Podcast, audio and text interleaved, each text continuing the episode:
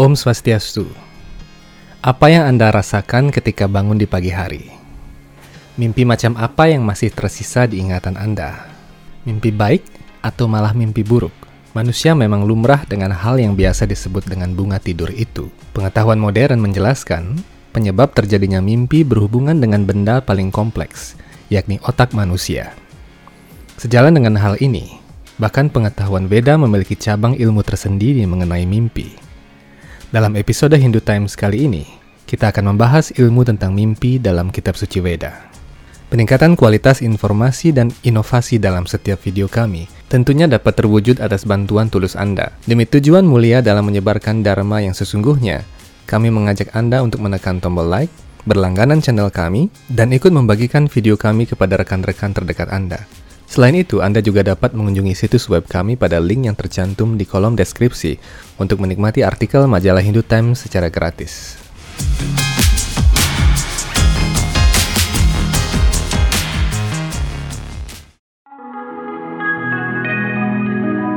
Tatkala seseorang tidur, otaknya tidak berhenti bekerja.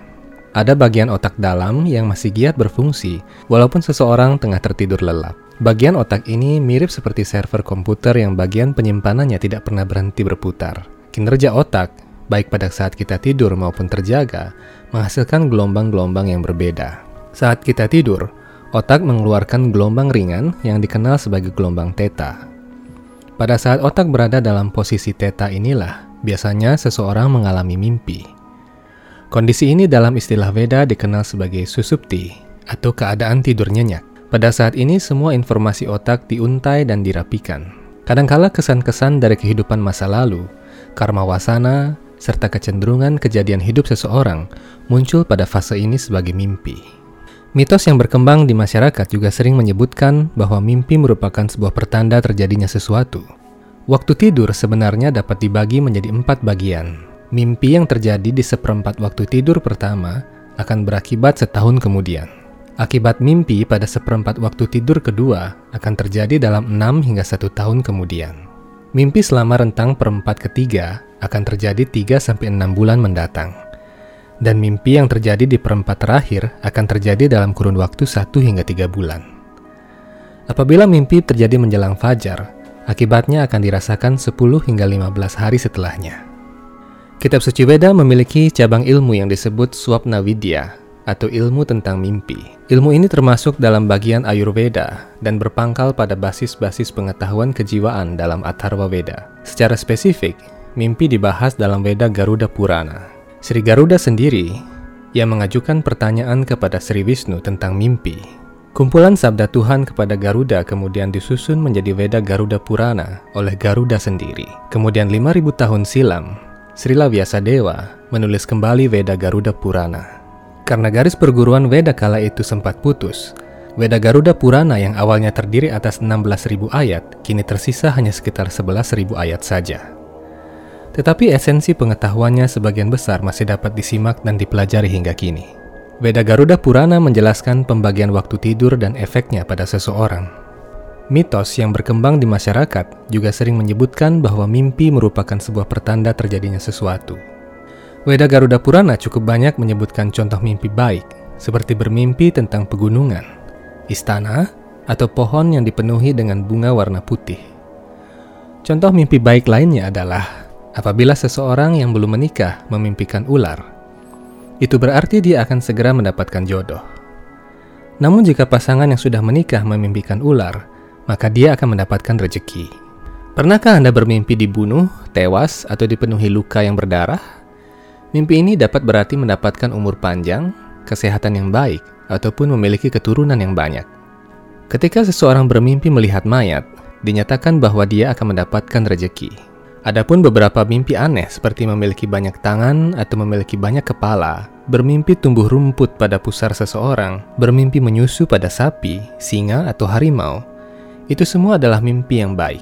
Bermimpi tentang Tuhan, para dewa, orang-orang suci, dan guru kerohanian selalu merupakan mimpi yang paling mujur. Jika seseorang terbangun setelah mengalami jenis mimpi-mimpi baik tersebut, hendaknya dia segera memerciki wajahnya dengan air suci. Setelah itu, dia hendaknya minum air dan mulai memanjatkan doa kepada Tuhan hingga matahari terbit. Akan sangat baik tidak melanjutkan tidur lagi hingga fajar, karena apabila Anda melanjutkan tidur dan kemudian mengalami mimpi kedua, maka efek mujur dari mimpi baiknya akan hilang. Garuda bertanya kepada Sri Wisnu tentang mimpi yang buruk. Selain kitab suci Veda Garuda Purana, kitab suci Veda Paramasamhita bab 9 dan Veda Agni Purana bab 229 juga membahas mimpi dan pertanda-pertanda baik dan buruk. Beberapa jenis mimpi bisa berarti pertanda buruk bagi manusia.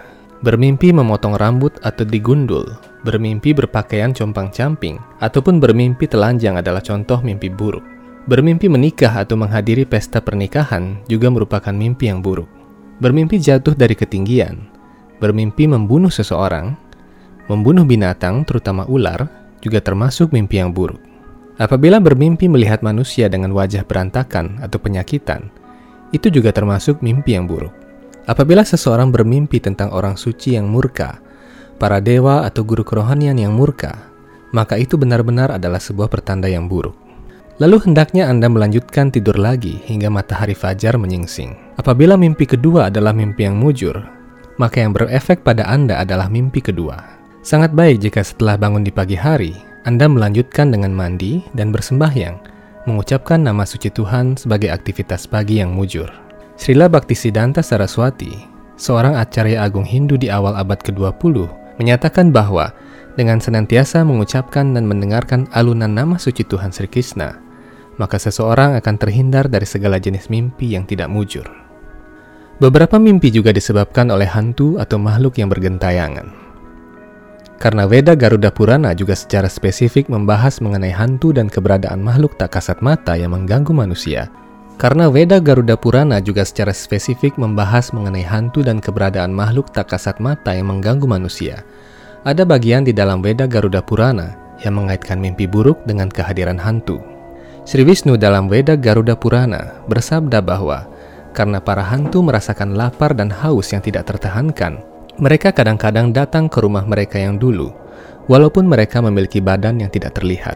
Para hantu tersebut memberi pertanda kepada sanak saudara mereka yang sedang tertidur. Contoh-contoh mimpi yang dipengaruhi oleh hantu adalah bermimpi kuda, gajah, kerbau atau manusia dengan wajah yang menyeramkan. Seseorang yang bermimpi badannya sedang dirantai, atau bermimpi leluhurnya yang sudah meninggal datang meminta makanan, adalah mimpi yang disebabkan oleh makhluk-makhluk yang tidak kasat mata. Bermimpi kehausan atau minum air, atau bermimpi sedang makan namun makanannya tiba-tiba direbut, juga adalah sebuah mimpi buruk.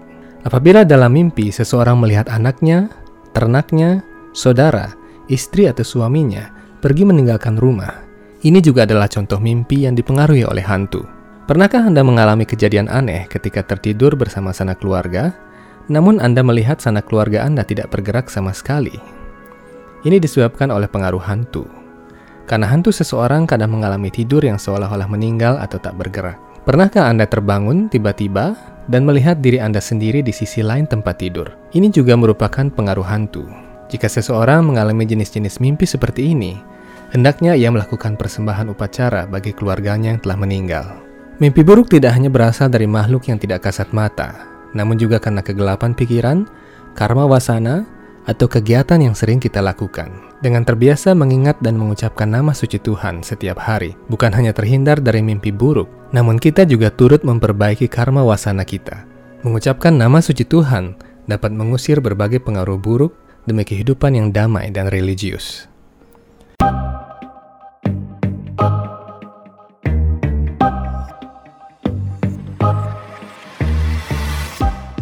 Demikian penjelasan kitab suci Veda mengenai mimpi buruk dan mimpi baik. Semoga dengan mendengar uraian-uraian tersebut, kita dapat lebih mengenal seberapa luas pengetahuan dan peradaban suci Veda, yang pada dasarnya tidak dapat diukur hanya dengan indera material manusia yang terbatas. Tentunya juga dengan deretan informasi yang semakin berkembang dan menarik untuk diikuti. Semoga Hindu senantiasa dapat menjadi cahaya yang terang dan menjadi teladan bagi kedamaian, keharmonisan, kesucian, dan keberagaman bangsa. Sampai jumpa dalam episode-episode Hindu Times lainnya. Om Santi Santi Santi Om.